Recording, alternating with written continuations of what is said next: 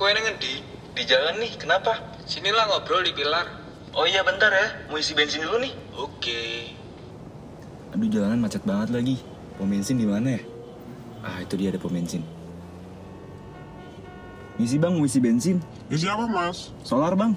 Solar? Iya solar. Apa solar? Itu loh bang, seputar obrolan di pilar. Oh alah. Yaudah kita mulai ya.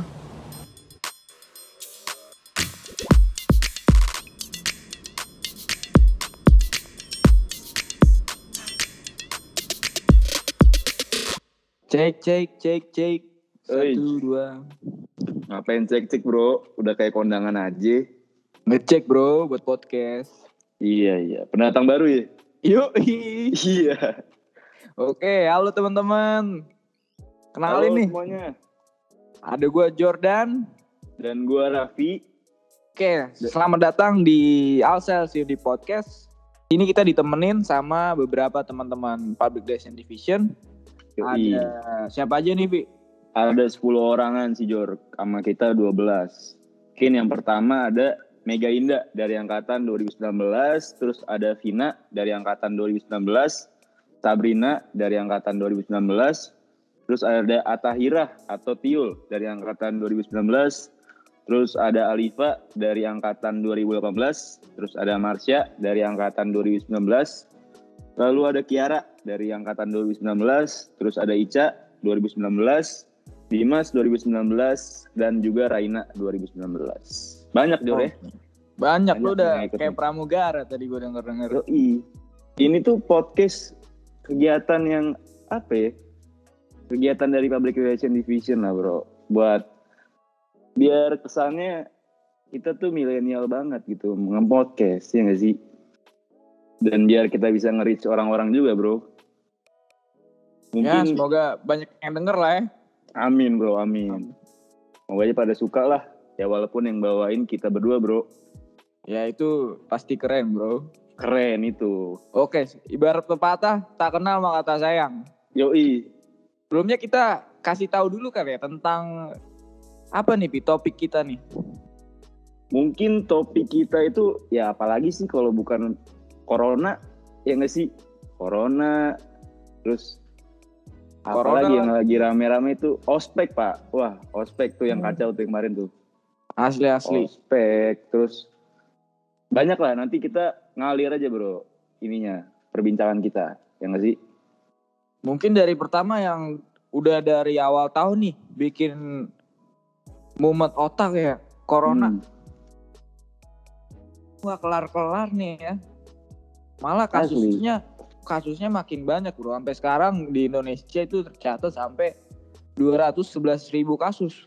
An- Wah gokil gokil gokil. Dan udah makin banyak aja nih dengan Hmm. semakin meningkatnya apa ya tes yang dilakukan oleh pemerintah Hmm. itu makin banyak yang positif bro entah gue udah bingung sih gimana kita buat ngurangin apa apa sih langkah yang bisa kita lakuin buat ngurangin uh, tingkat penularan corona ini Hmm.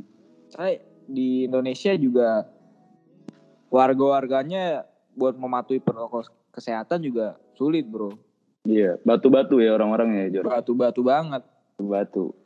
Dan mungkin ditambah kasus yang makin meningkat dan juga ya bikin orang tambah stres bro di rumah doang ya nggak sih? ya Itu Kayak kan gimana tuh? bisa jadi salah satu faktor juga kan menurunkan sistem imun lo tingkat Iya tingkat kekuatan imun lo bener. Kayak yang biasa kita keluar rumah, kita biasa ketemu sama teman-teman bercengkrama, sekarang di rumah doang. Kayak lewat online kayak gini aja nih. Makin stres bro pasti ya nggak sih? asli Mungkin kita tanya-tanya sama Ellen kali ya gimana sih cara mereka menghadapi kestresan di kala pandemi ini ya nggak sih? Boleh tuh. Oke, kita tanya dulu mungkin dari angkatan 2019 Jor yang baru masuk di bulan Agustus kemarin. Mungkin dari Ica dulu kali. Ica, gimana sih Ica lu ngadapin pandemi itu? Eh pandemi selama pandemi ini, sorry. Ya kalau gue sih ya karena gue demen banget sama yang namanya anime ya buat supaya gue nggak tambah stres aja di pandemi di rumah doang. Nggak bisa ketemu teman-teman nggak bisa ngelakuin aktivitas yang sebelumnya gue biasa lakuin ya gue ganti dengan nonton anime. Apalagi kan sekarang uh, lagi banyak anime-anime baru nih. Terus juga nonton-nonton yang waktu itu udah pernah gue nonton. Terus uh, scrolling scrolling Twitter.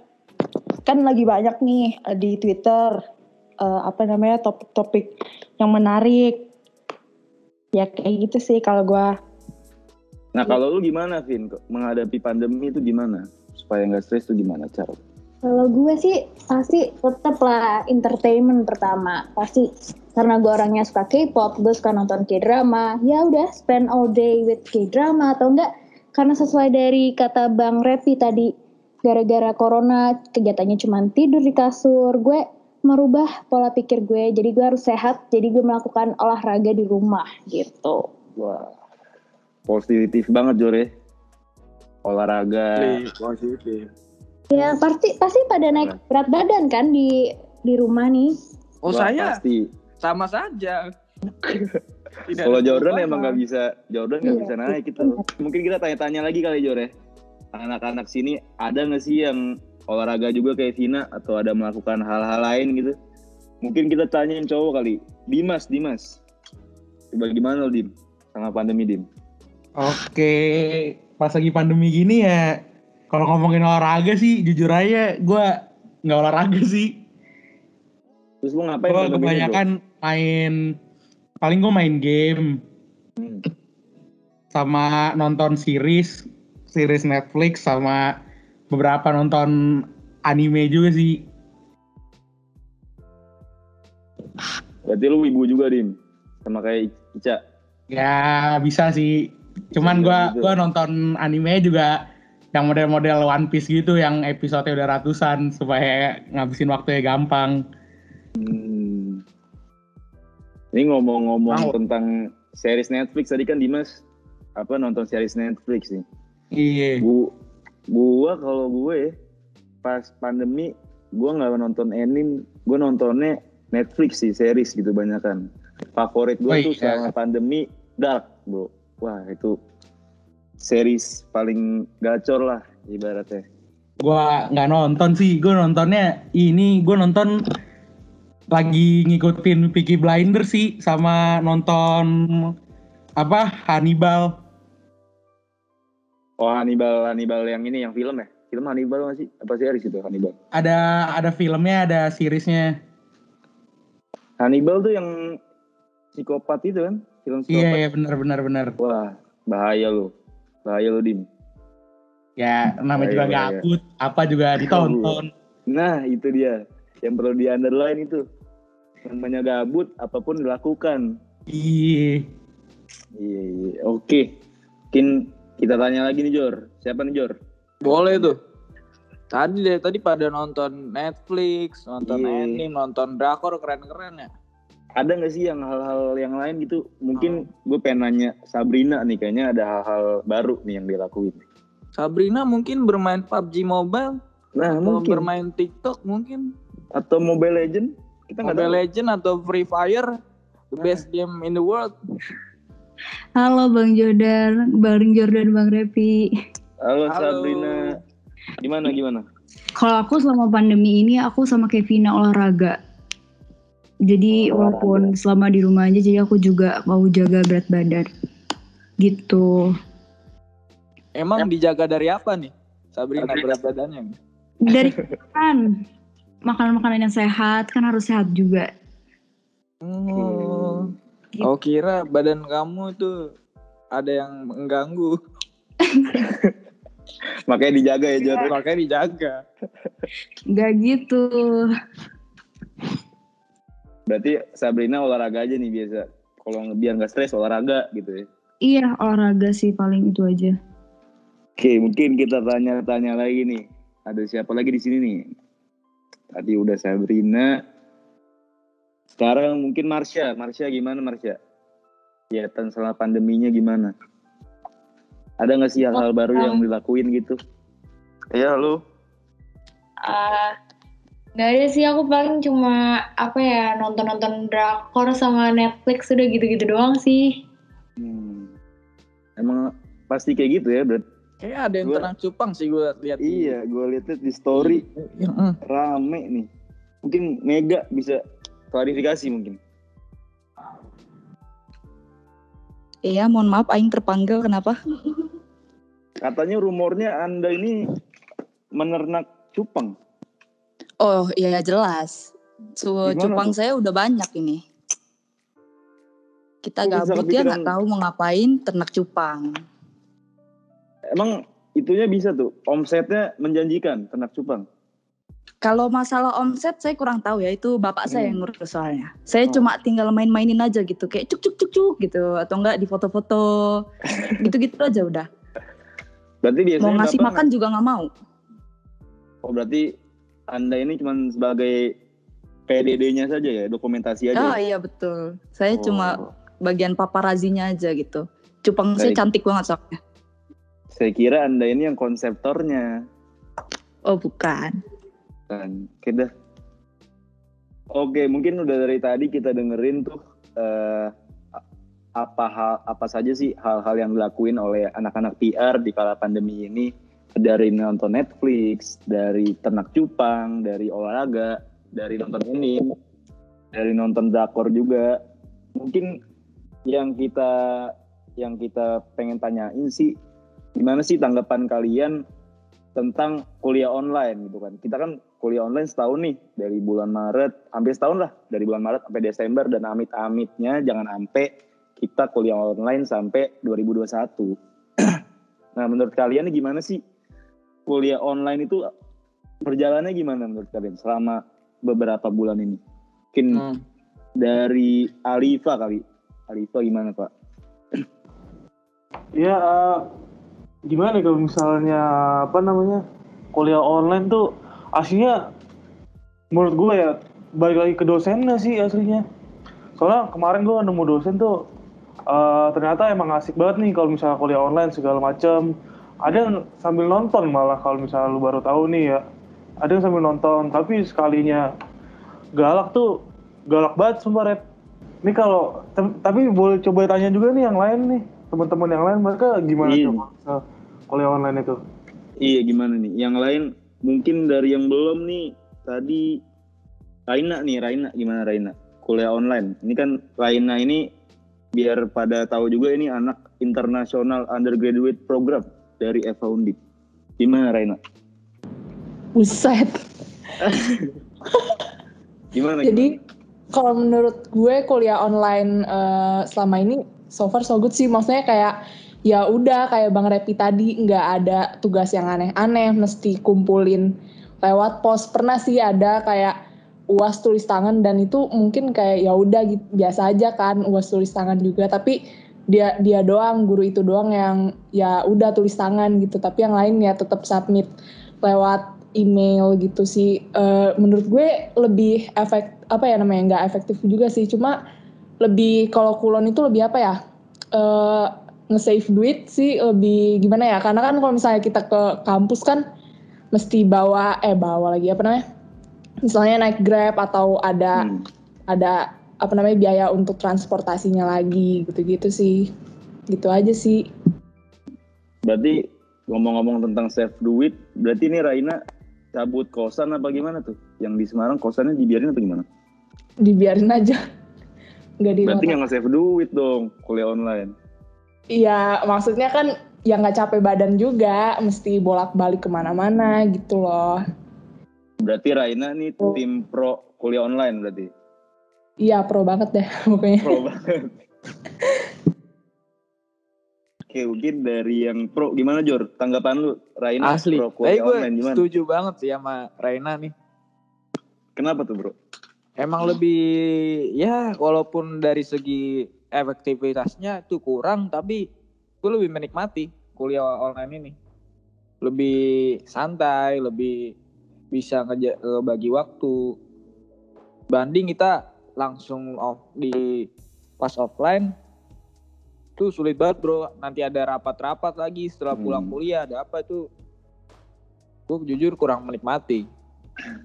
Tapi kalau gue ya Jor, gue emang gue awal-awal menikmati semester kemarin, cuman setelah makin ke sini gue jadi mikir, wah ini tahun terakhir gue kuliah, masa gue di rumah gitu, gue kuliah online, tahun terakhir gitu loh ibaratnya. Nah, Gak tapi ketemu ya. temen-temen, gak ada rapat-rapat lagi. Itu sih Jor yang gue sedihin Jor. Jadi di hati gue juga sama tuh, kebagi dua. Ada Hmm. satu rasa kangen sama teman-teman kumpul bareng, Hmm. rapat bareng, main jajan segala macem bareng. Sama gue bisa nikmatin waktu nyantai di rumah sama keluarga. Itu gue kebagi banget sih. Nah iya itu, bener sih.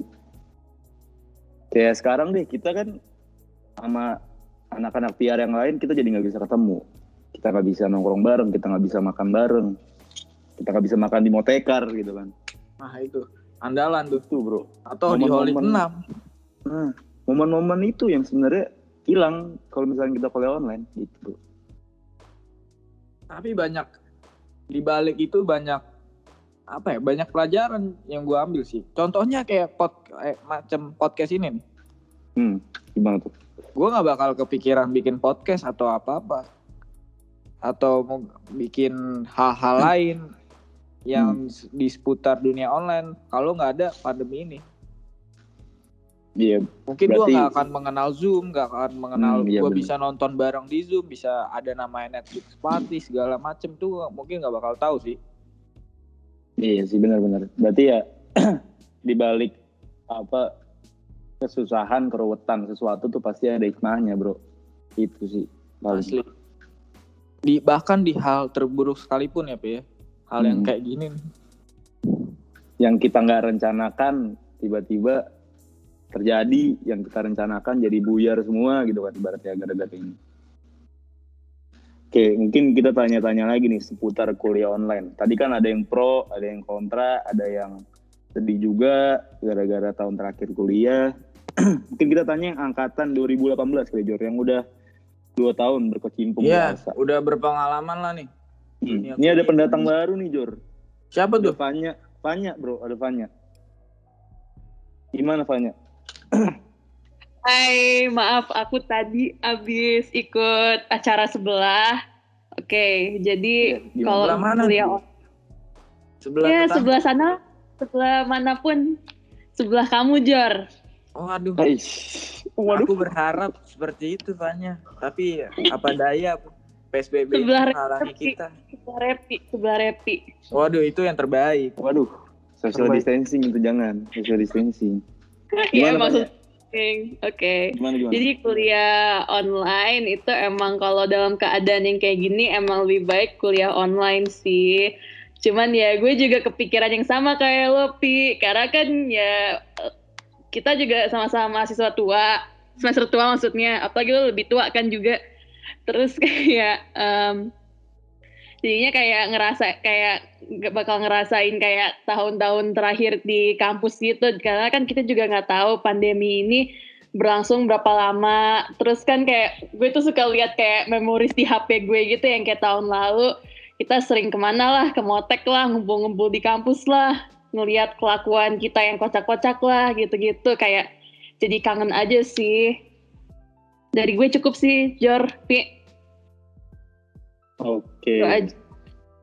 Nih berarti Fanya ini Jor, tim yang setengah-setengah kayak ya Ucmu Gimans gitu. Ibaratnya udah corona, ya udah kuliah online nggak apa-apa, cuman dia sedih Kangen. juga harus kuliah online Kangen. gitu ya, Fanya.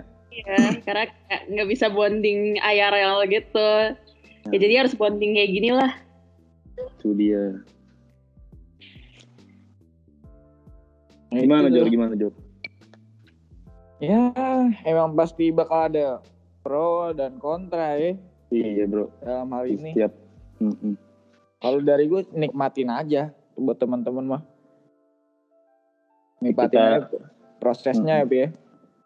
Kita ngeluh juga ya buat apa? Nggak bakal berubah apa-apa. Nggak ada yang bakal Iya berubah. Mm-mm. Mungkin dari yang pro bisa jadi pro max mungkin jadinya. Dari yang pro bisa jadi pro max. Oke. Nah, Ini topik apa lagi nih Pi yang menarik nih ya? Yang lagi ngetren ngetren apa ya? kita kan udah ngomong PSBB, udah ngomong kuliah online. Oh. Mungkin sekarang kita ngomong ini bro apa namanya sabuk sabuk sabuk Sabuk. sabuk bro yang lagi ngetrend di Twitter nggak pakai sabuk itu bro Wah, kabar apa itu bro? jadi ini bro rumor-rumornya gue baca di Twitter waktu itu gue lihat di TikTok juga ada salah satu perguruan tinggi di Pulau Jawa kalau nggak salah itu eh, melakukan ospek kan dia ospek terus dia eh, ibaratnya ospeknya itu perpeloncoan bro tapi online. Jadi kayak dia teriak-teriak gitu ke junior juniornya kayak sabuk kamu mana? Baca catat enggak segala macem gitu bro. Kayak aneh banget bro. Di ospek tapi online gimana bro Mungkin pendapat ini menurut gue inovasi baru sih, Pi. Ini juga bisa inovasi baru gimana inovasi baru. Walaupun Gimana kita tuh? ber- berjauh-jauhan tapi marah-marahnya tetap ada.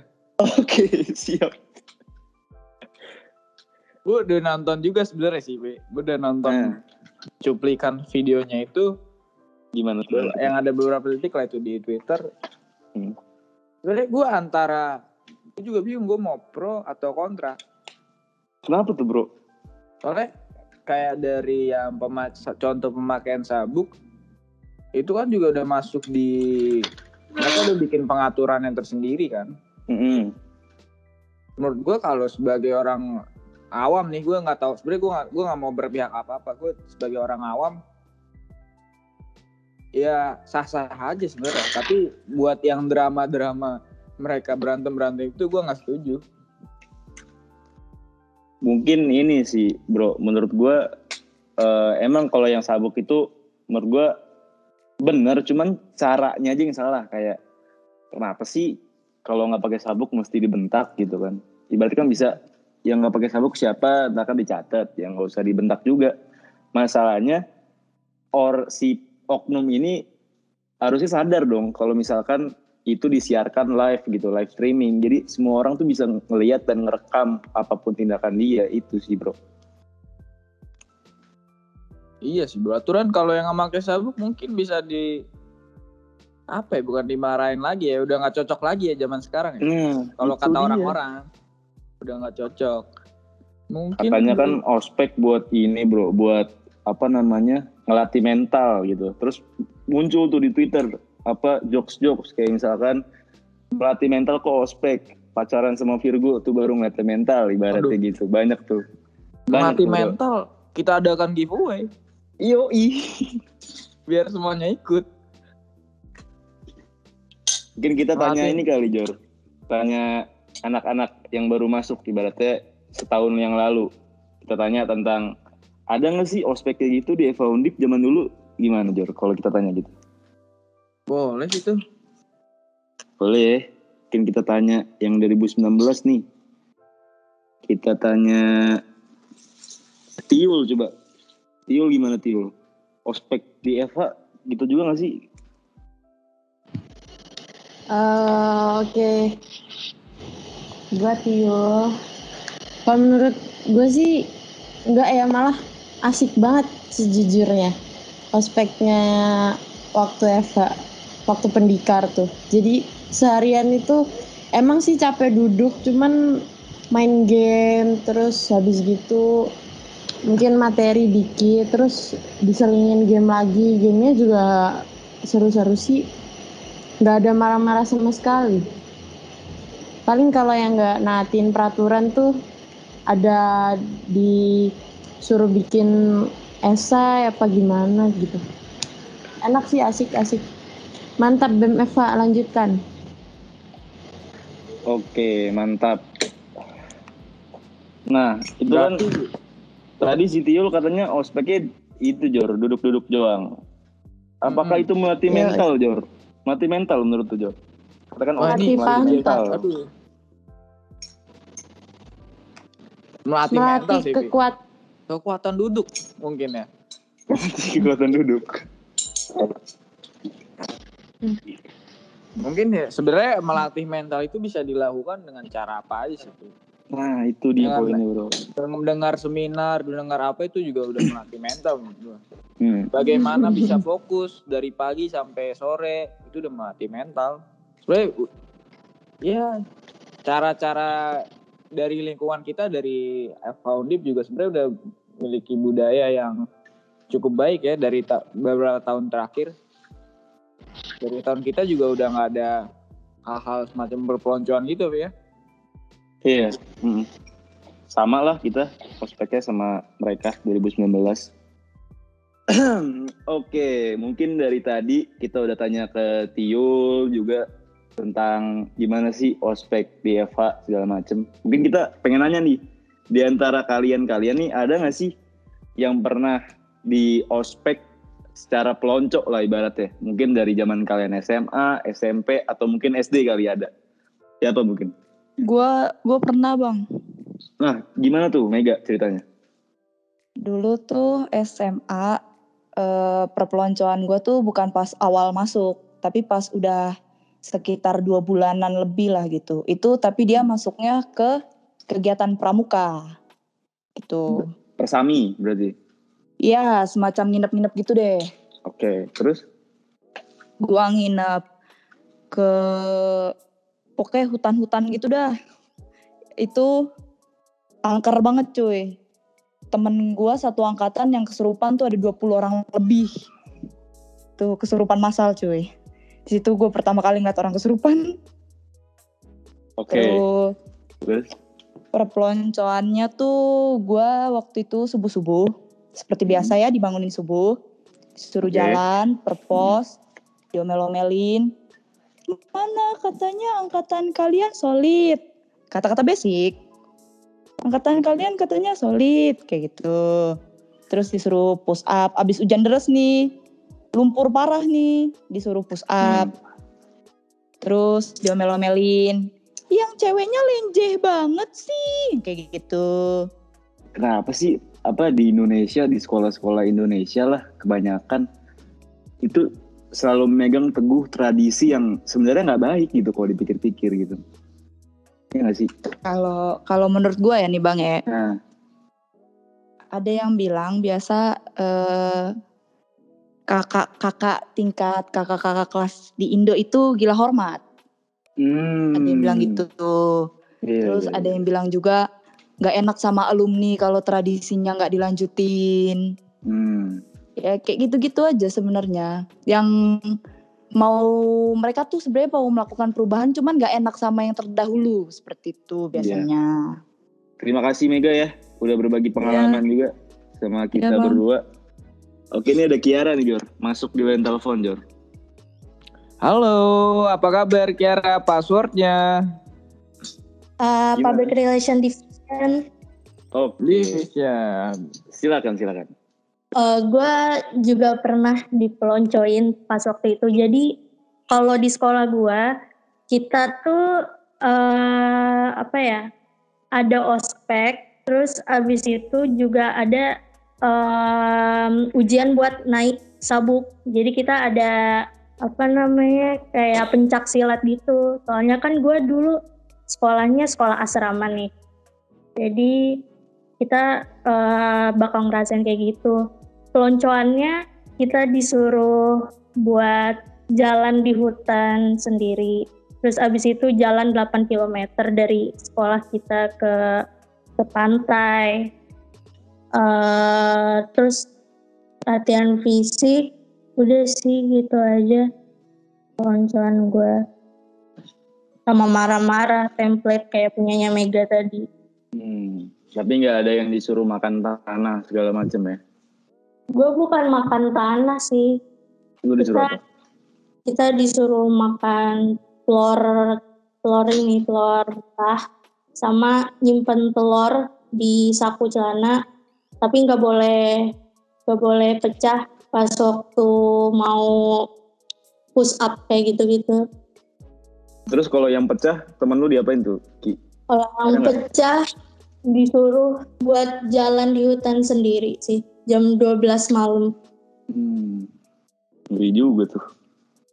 Oke, Tapi udah, kalau kalau menurut gue ospek kayak gitu, gue bersyukur sih ada ospek kayak gitu karena bikin kita nggak takut sama lain hal. Hmm, berarti menurut lu ospek yang modelan jurit malam terus apa bentak-bentakan itu ada positifnya berarti menurut Ki? Menurut gue iya itu itu positif banget sih buat gue karena bikin kita kuat kan pada akhirnya. Hmm. Berarti lu setuju juga kalau ospek itu menguatkan mental lah ibaratnya. Gue setuju sama ospek yang kayak gitu. Cuman harus bertanggung jawab juga jangan kayak cross the line. Hmm. Oke oke oke. Cukup menarik Jor perbincangan kita kali ini. Ada yang ada yang pro sama ospek itu um, apa namanya menguatkan mental. Terus ada juga yang nggak setuju sama ospek tidak menguatkan mental. Gimana Jor? Ya, menarik sih Pi ya. Menguatkan mental. Sebenarnya pertanyaan yang dari dulu gua tanya, ini menguatkan mental ini untuk apa sebenarnya? Hmm. Apa sih buat apa sih sebenarnya esensinya menguatkan mental ini? Menurut lu gimana, Pi?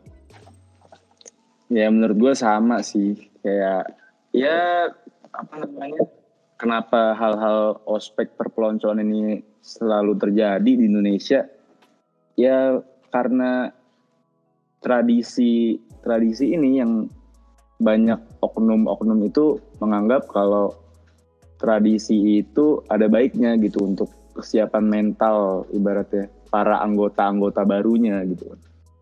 Cuman yang kita sayangnya di sini adalah kan banyaknya ospek yang perpeloncoannya itu keterlaluan gitu ibaratnya. Dengan berkedok eh, menguatkan mental jadi bisa melakukan apa aja gitu. Itu sih yang perlu kita kita aware lah ibaratnya. Nah, kita tadi udah ngomongin kuliah online, PSBB dan juga ospek nih. Dari tadi yang serius-serius aja. Mungkin sambil kita menemani para pendengar, mungkin kita kasih ini kali Jor, insight-insight tentang eh, film-film yang lagi viral, short movie bro, begitu Wah. tepatnya. Asli, kemarin kan ada ada yang viral tuh. Nah iya bro, Pendek. Film dari, pendek. Dari Jog- Jogja, dari uh, Dinas Kebudayaan Provinsi Yogyakarta, ada mereka Hmm. bikin suatu film pendek. Itu judulnya Tilik.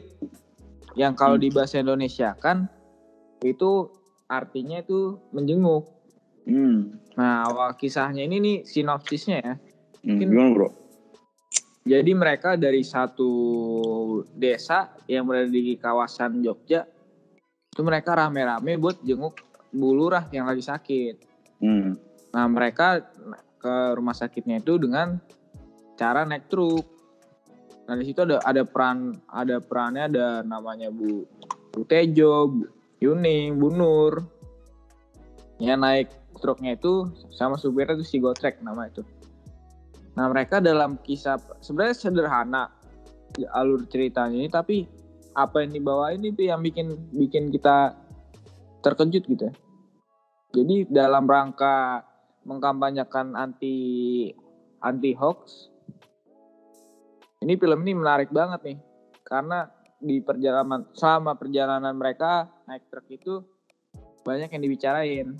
Jadi awalnya ini si Butejo nih ini nih yang salah satu tokoh yang yang istilah yang paling nyentrik lah be. Gimana tuh bro? Nah jadi Butejo ini pertama di, di truk ini nih uh, bicarain oh, uh, ngomongin namanya ada namanya si Dian. Nah jadi si Dian ini uh, kembang desa di di desa mereka itu. Nah si Dian ini diomongin sama Butejo karena apa ya? parasnya itu bikin suami-suami mereka di desa itu suka ngeliatin si Dian ini. Jadi Iya. Berdasarkan informasi yang di apa yang didapat dari Bu Tejo dari Facebook sama kabar-kabar burung, si Bu Tejo ini bilang kalau si Dian si Dian ini nggak benar. Jadi si Bu Tejo ini uh, provokasi lah ibu-ibu lainnya buat dukung apa mendukung ceritanya ini biar semuanya jadi benci si Dian.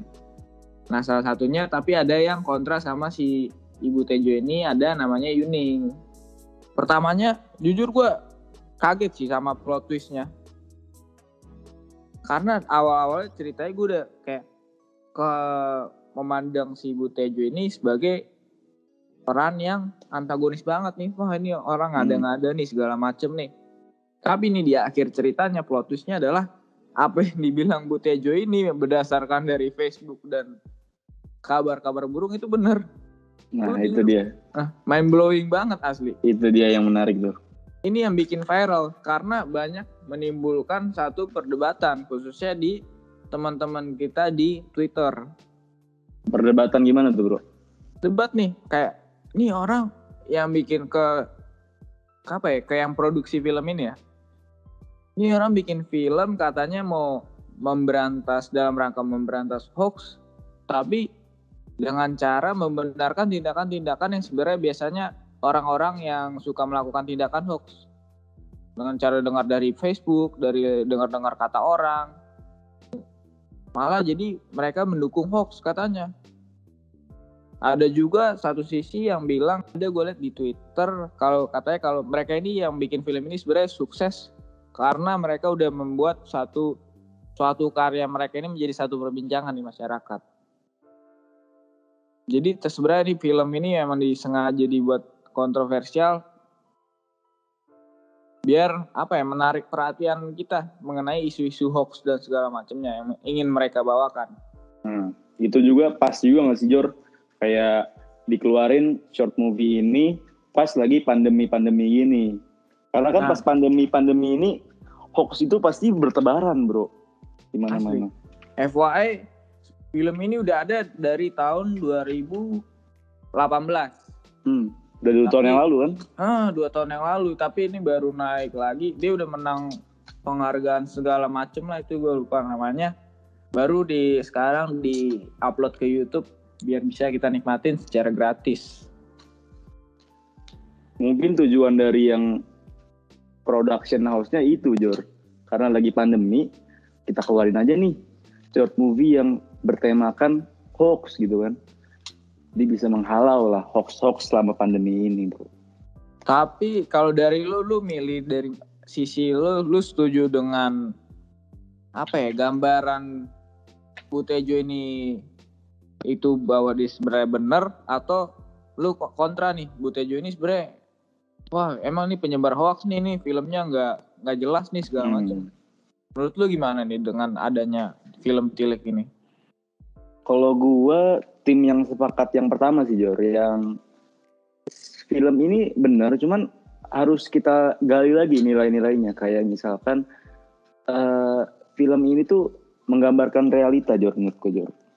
Di mana eh, banyak lah eh, kasus-kasus yang kayak gitu gitu kan, kayak apa orang yang kasih informasi tapi orang ini nggak percaya padahal orang yang nggak percaya ini juga kurang informasi gitu bro Nah, iya nggak sih Itu kadang kita bro. merasa merasa ya itulah itu makanya seni itu sangat sangat complicated itu ya. Mm-mm.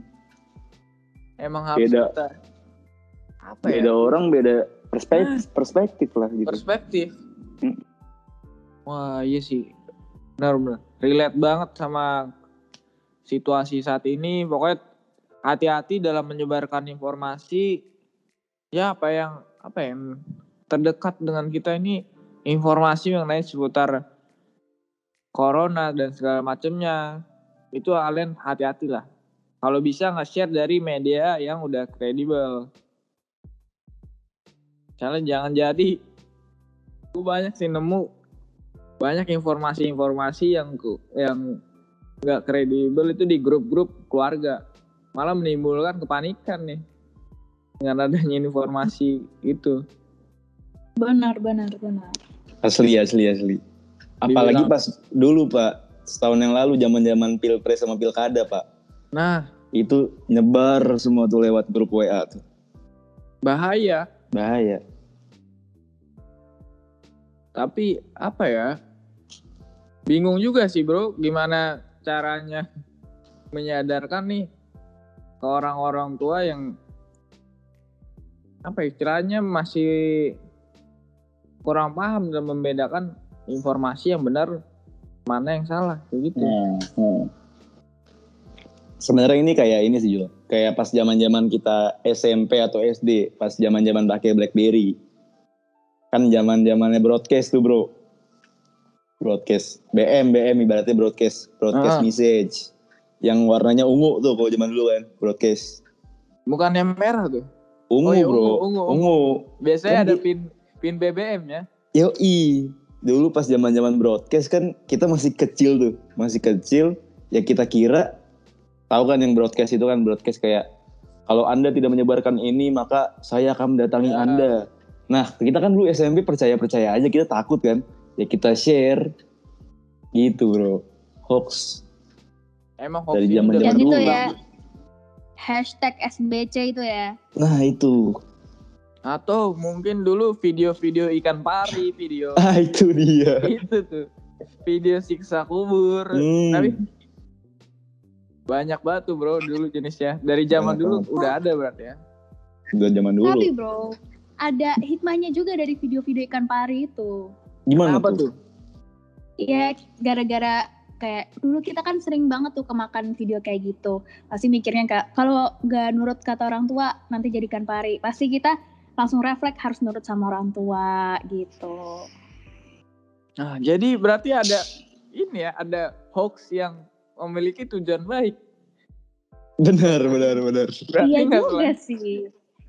hoax ini nggak selamanya mikir lo ini hal-hal buruk, hal-hal ini. Malah jadi rajin ya. Dulu nonton video ikan pari jadi takut nih kalau ngelanggar perintah orang tua takut.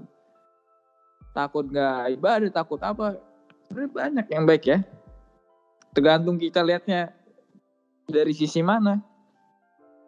Berarti balik lagi Jor dari yang tadi kita ngomongin kuliah online, ngomongin PSBB, kita kan tadi ngomong kayak ya segala hal yang baik dan buruk itu pasti ada hikmahnya, Bro.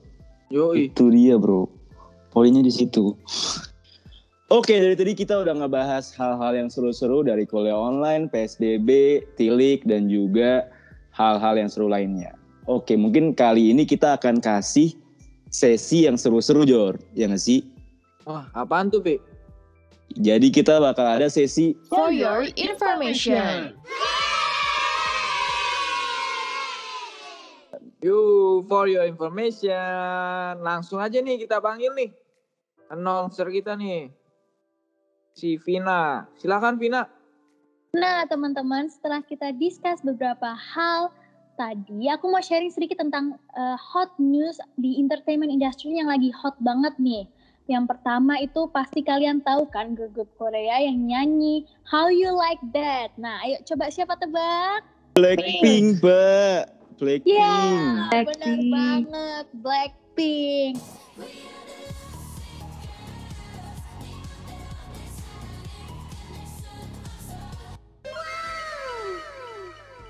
Nah, Blackpink ini baru aja announce kalau mereka akan collab dengan mobile games yang lagi disukain banyak orang, yaitu PUBG Mobile. Nah, salah satu anggota kita ini juga suka banget guys main PUBG, yaitu Bang Jordan. Betul nggak tuh Bang? Skinnya nih. Blackpink. Gue mau beli yang Nah. Jennie. Sebelumnya nih, Bang Jordan udah tahu belum tentang hal ini? Udah dong. Tadi gue nge-retweet di Twitter gue. Gue ngeliat langsung nih dari akun Twitternya PUBG. Gue ngeliat dari posternya nih udah Blackpink banget. Makanya gue langsung gue retweet. Next, kita akan lanjut ke hot news yang lain. Langsung aja aku oper ke Dimas. Ini berita dari Vina. Nah untuk kalian nih yang gamers yang udah nunggu-nunggu kabar kapan PS5 keluar sama harganya. Kemarin tanggal 17 September tuh Sony ngerilis harga dari PS5 sama rilis date kapan. Nah kan si Sony ini ngeluarin dua tipe dari PS5. Yang pertama tuh PS5 yang biasa, yang di mana lu kalau main harus beli CD-nya. Sama satu lagi yang digital edition. Jadi di digital edition itu uh, PS5-nya itu nggak ada slot buat beli CD, tapi lu belinya di PlayStation Store. Nah untuk harganya sendiri yang PS5 itu, yang PS5 yang biasa maksud maksud gua itu harganya sekitar 499 US dollar atau yang kalau di convert ke rupiah itu sekitar 7 jutaan. Nah, yang satu lagi yang digital edition itu harganya sekitar 399 dolar. Nah, ini ada baiknya nih untuk kalian semua yang gamers terutama ya dan pengen beli ada baiknya nabung. Karena PS5, PS5 itu sendiri sudah bisa di pre-order di beberapa retailer tertentu. Nah, untuk rilis date di Indonesia itu sendiri, itu kemungkinan besar akan dirilis pada akhir November ataupun awal Desember. Nah, sekian nih berita dari dunia game. Berlanjut kepada teman saya, Alia, yang akan membahas tentang perfilman. Nah, yang selanjutnya nih, uh, kalian pasti tahu kan ada film Disney yang terbaru, yaitu film Mulan 2020. Mulan itu ditunggu-tunggu banget kan, karena uh, jarak range waktu dari Mulan yang terakhir ke Mulan yang sekarang itu juga cukup jauh ya. Ini highly recommended banget sih buat ditonton, karena apa? Karena moral value-nya dan segala macam pesan-pesan dari film ini tersampaikan banget. Apalagi kita sama apa namanya kita orang Indonesia kan sama-sama orang Asia satu rumpun sama simulan ini. Jadi banyak banget relatable ya dan juga ini paling terkeren banget sih pokoknya filmnya Nah, yang terakhir ini nih ada berita duka nih dari salah satu cast Black Panther yaitu Chadwick Boseman yang meninggal dunia di tanggal 28 Agustus kemarin. Ini rame banget di sosial media karena beliau ini adalah salah satu aktor yang legendaris dan dari peran Black Panther-nya yang apa sih namanya slogannya itu uh, Nippon Pain apalah itu pokoknya ya udah gitu aja sih guys berita dari minggu ini atau dari yang belakangan ini lagi happening gitu guys. Udah sampai di penghujung podcast kita kali ini nih. Ah, serius Jor? Podcast kita udah kelar? Udah kelar dong, dari tadi kan udah banyak pembahasan. Kita udah habis materi juga, Pi. Nah, nanti yang pengen dengerin kita gimana, bro? Buat yang mau denger, jangan lupa buat tetap uh, pantengin kita di Yudip di akun Spotify kita mungkin bisa follow Pi ya. Bisa. Kita kasih 5 detik kali Jor ya. Oke, jangan lupa follow karena follow itu gratis. Never give up and never surrender. Follow, follow, follow. Siap. Ah, siap. Ah, siap. Oke. Karena ini kayaknya emang harus diudahin sih. Karena kalau udah kita terusin nanti Jordan berubah jadi Atta Halilintar. Cuak. Ah, siap. Cuak. Oke. Oke, terima kasih yang udah dengerin podcast kita, para pendengar dan juga anak-anak PR. Uh, terima kasih udah datang. Dan juga terima kasih untuk kalian yang udah nge-follow, udah dengerin segala macemnya. Pokoknya kita kasih apresiasi sebesar-besarnya untuk kalian. Oke. Mungkin dari gua Raffi. Gua Jordan. Kita pamit. Oke. Sampai ketemu di episode-episode selanjutnya. Dadah. Ciao. Adios amigos.